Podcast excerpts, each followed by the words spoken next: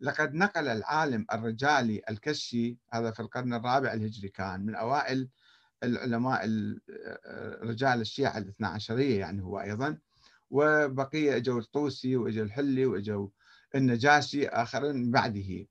فهذا العالم الرجالي الكشي ينقل عن الإمام الصادق. حديثا يقول فيه في ترجمة جابر بن عبد الله الأنصاري. هذا حديث موجود.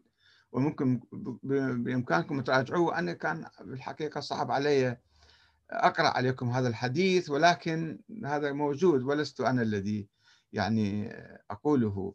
يقول عن لسان الإمام الصادق يقول إن أهل المدينة كانوا ينكرون على الباقر رؤية روايته عن رسول الله. يعني الإمام الصادق كان يقول أنا اللي أفهم القرآن وحدي على فرض هذا صحة الكلام.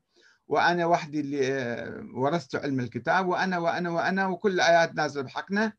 فأهل المدينة ماذا كان رد فعلهم؟ وما كانت موقفهم تجاه الأحاديث تجاه هذه الدعوة في الحقيقة دعوة آه، القيمومة على الكتاب وعلى معرفة الكتاب. والإمام الصادق يقولون يقول أن أهل المدينة كانوا ينكرون على الباقر روايته عن رسول الله ويقولون ما رأينا أحدا قط أكذب من هذا. يحدث عمن لم يره. ما شايف النبي هو؟ جاء بعد 100 سنة من النبي وديروا قال رسول الله قال رسول الله. فكانوا مستنكرين يعني الكلام. فلما رأى ما يقولون شاف ذولا إيش كل يتهموه. حدثهم عن جابر بن عبد الله. كان كل رواية يجيبها يقول جابر قال, قال لي كذا عن جابر. جابر كان صحابي وبقى مدة طويلة.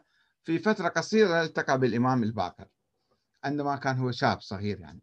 وكان جابر والله يأتيه يتعلم منه. الإمام صادق يقول يقول جابر هو ما كان يعرف. جابر هو كان يتعلم من الإمام. بس حتى الناس يصدقون من عنده آه، كان يقول جابر قال كذا وكذا. طبعا رواية صعبة يعني واحد فعلا صعبة. واحد يعني يهضمها أو يعني يقبلها. وإذا كان أهل المدينة يتهمون الباقر إذا على فرض صحة الرواية هذه كانوا يتهمون الباقر بالكذب على رسول الله. فإن من حقنا أن نتساءل عن حجية قول نحن لا نتهمه بالكذب والعياذ بالله.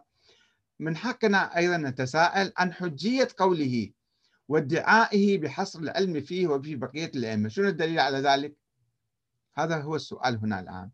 وإذا كان يستند في دعواه إلى حديث الثقلين مثلا فإنه لا يشكل حجة كافية. حديث الثقلين غامض وضعيف أساسا هو وذلك لأنه خبر آحاد مروي عن منه مو متواتر من المسلمين كلهم في الزمن الأول في